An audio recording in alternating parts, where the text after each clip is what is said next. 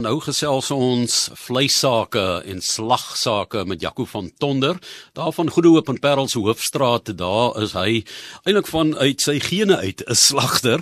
So Jaco, baie welkom hier by 360. Baie dankie Johan en dankie aan die luisteraars. Nou, daar's nog 'n groot skuif nê van Pretoria en die Jacarandas daar na die eikebome van die Parel en natuurlik die hutte ook en jou vleis moet maar koel gehou word, maar jy kom uit 'n slagtersfamilie nie waar nie. Ja, Johan, ons is 'n uh, hele paar generasies. Uh, maar so in die gene van oupa na pa na neefs na broers, ons almal is maar betrokke op 'n of ander manier in die bedryf. Maar uh klein regstelling ons is daar van Johannesburg se omgewing. So laat die ouens ons net nie aanvat daaroor nie. En uh ons het hervestig van daai gebied af hier in 99 het ons in die Kaap geland. En maar weer leiers opgevat. Ek was toe nog op skool gewees. En maar so naweek en vakansietye weer ingeklim, maar groot geword met dit, maar van die ouderdom van 16 af het ons maar regtig nou uh dit begin bietjie meer leer wat jy doen en nie net uh ingeval en gedoen wat ons wil nie. En ja, dis maar dit. Dis waar jy nou vandaan kom. Jy sê Johannesburg, maar ek bedoel Biltong op Loftus, Biltong daar op Ellis Park, Biltong op Nieuweland, Biltong waar jy ook al jou rugby kyk in die Vrystaat Stadion of in Durban, bly maar baie baie lekker en is baie Suid-Afrikaans. Jaco, jou broer is in Brackenfell, ook in die ehm um, ook in die vleisbedryf. Ja, my broer, my broer is daar by die vleiswinkel ook 'n uh, nou al 'n bekende landmerk in die in die Kaap. So ons ja. probeer maar die familie van ons hoog hou en uh ja, dan het ons ook mos nou goeie verbintenisse met ons ander broers. Ons lag as families daar op uh, Rivier Kasteel waar by Odelco hulle. So ons is 'n lekker groep jong manne wat probeer om bietjie weer lewe te blaas in die vleisbedryf. Maar Jaco, jy jy praat nou van leweblaas in in jong manne en so, maar by wie jy byvoorbeeld nou jou slag vir vleis aangeleer want dit is 'n slag, dis 'n vaardigheid om vleis te bewerk. Ja, Johan, ag Johan, weet jy wat, dis maar soos enige kind, jy weet as jy eers groot word met dit dan kom op 'n ouderdom wat jy voel, hoorie, so dis die laaste ding wat jy wil doen. Maar die oomblik toe ek besef het dis wat ek nog gedoen het, het ek maar by my eie pa geleer. Want kyk, daar's geen geld wat ervaring kan koop nie. So daar het ek nou maar al die fynere kunsies geleer in terme van vleisversnitting, maar ook van besigheid. Want die die vleisbedryf is nie net 'n bedryf van vleissny nie, daar's 'n besigheidsaspek ook om die ding reg te maak werk. So daar's baie tegniese goed wat in die agtergrond ook hardloop. So en ja, dit het ek nou maar by hom geleer en goeie leermeester gewees en ja, ons het ons naam en ons reputasie opgebou so oor tyd ons is baie trots op dit wat ons tot dusver vermag het. Jaco, jy, jy weet dit is 'n meganiese werk vir party mense. Jy staan, jy moet die bout sny, jy moet die blad sny, jy moet dit opsny, daai opsny die mense vra dit vir jou. Maar is jy ook 'n bietjie filosofies oor dit waarmee jy werk? Ja, Johan, uh, jy kom op ouderdom wat jy moet besluit watter rigting jy wil gaan met die bedryf. Omdat dit begin baie spesifiek as jy wil, dis amper soos die mediese rigting. Jy kom op 'n punt wat jy moet besluit aan wat wil ek spesialiseer. En ons het begin en ons het gaan kyk eers na ons mark. Ons het 'n baie spesifieke mark begin teiken. 'n Mark wat baie min mense wil vat, maar is ook 'n mark wat jou die kans gee om met die beste wat Suid-Afrikaners kan kry in die vleisbedryf, die beste tipe vleis, die beste kwaliteit te kan werk.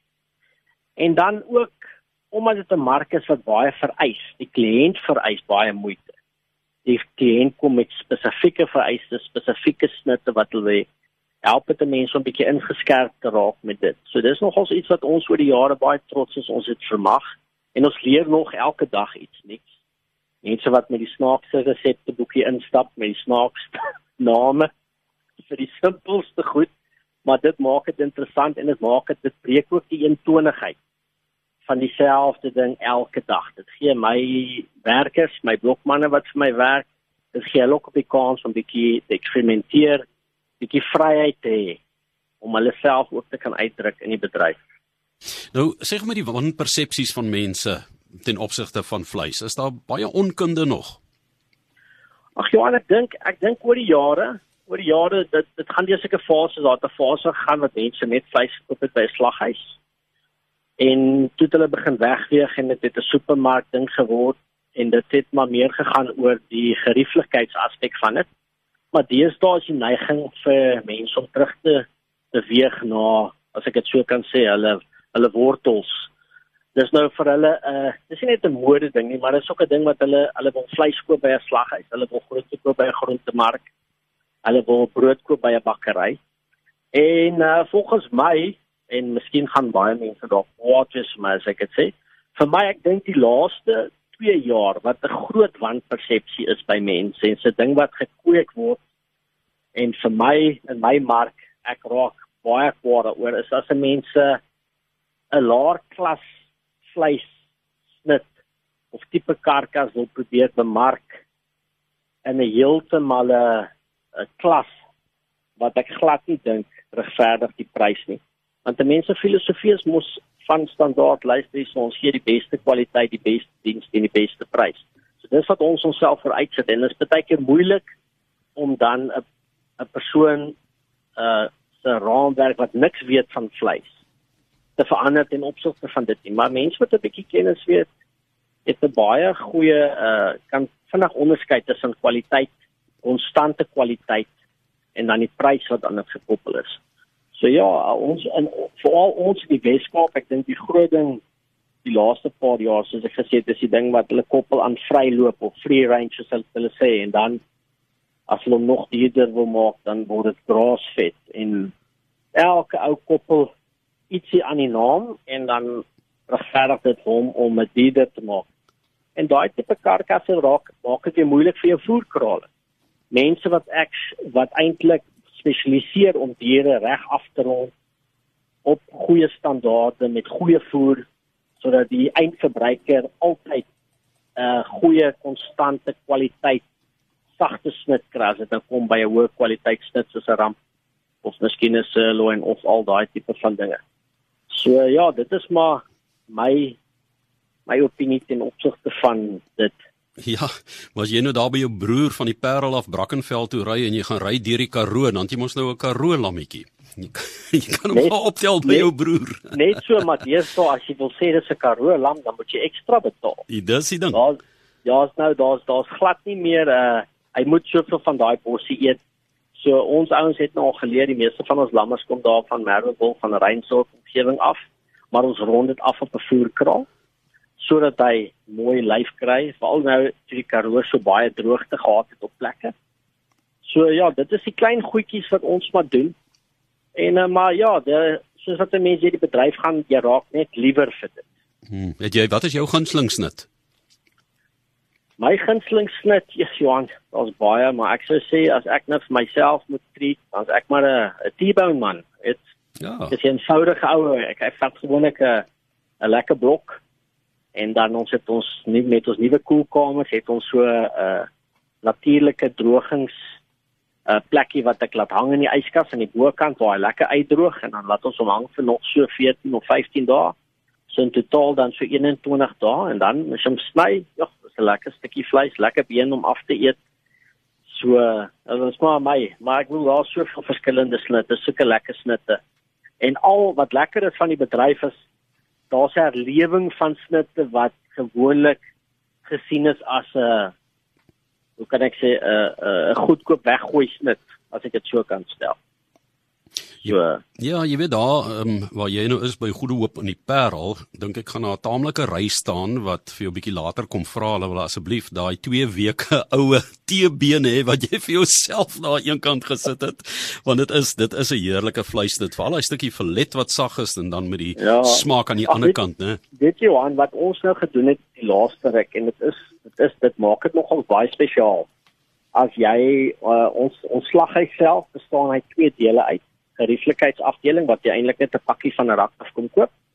Maar dan het ons ook 'n 'n gedeelte waar 'n kliënt kan inkom en hy kan praat met iemand en vra vra. En die blokmanne kan verduidelik en om gee presies wat hy soek. Maar wat ons ook doen vir ons kliënte, ek het al reeds mense wat kom en sê, weet jy, wat ek het op TV gesien die ou verouderde stuk uh prime rib of 'n stuk sirloin op die been vir sê 40 dae en dan maak ons vir die ou vir stuk.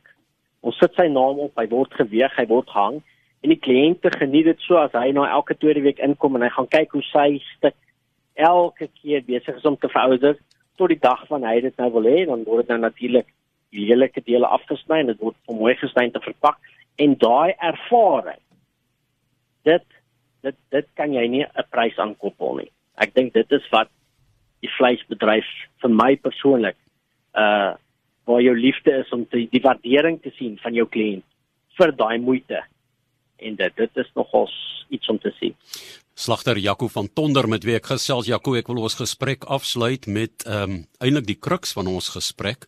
En dit is die uitdaging van hierdie persoonlike kleiner slagterye en vleiswinkeltjies waar jy hierdie persoonlike kontak het teenoor die groter ehm um, afsetgebiede wat 'n mens kry. Miskien daai groot rakke. Jy het net verwys jy het ook 'n afdeling wat met die klaar verpakte produk en dan het jy die gesprekskant ook waar mense spesifieke opdragte het. En so van die uh, kettingwinkels het ook al dit, maar ehm um, jy weet as dit vinnig gaan hier oor vakansietyd, dan gons dit met die pakkies vleis terwyl jy 'n ander pad loop en 'n ander styl het daar. Wat is julle grootste uitdagings ten opsigte van byvoorbeeld kom ons sê kettingwinkels se styl van uh, vleisverskaffing? Gaan julle oorleef as kleiner slagters? Ag ja, Johan, ek dink daar's die die ekonomiese groei nie dat daar veel is nie, maar die die ekonomiese groei in die Wes-Kaap is ongelooflik. En so wat jy het reg gesê het is jy moet seker maak dat wat jy 'n kliënt bied regverdig om om eerder by jou slaghuis te stop as om uit 'n geriefsoogpunt uit in 'n supermark vleis te koop. En dit gaan bloot oor enorme uh konsentrasie en die kliënt presies te gee wat hy en presies te weet wat die kliënt soek en verhoudings op te bou oor tyd. En dis dis wat dis wat ons in 'n baie bevoordeelde posisie plaas. Ons is al vir amper 12, 13 jaar hierso. My span saam met my is dieselfde tydperk hier by my. En ook daai tydperk het jy so groot kliëntebasis opgebou. En die geheim is om op daai verhoudings te bou en dit nie te, te laat weggaan nie. Laat wegglip. Jy moet altyd on top of it wees. Jy moet heeltyd wakker wees, nuwe planne, nuwe idees, heeltyd verbeter.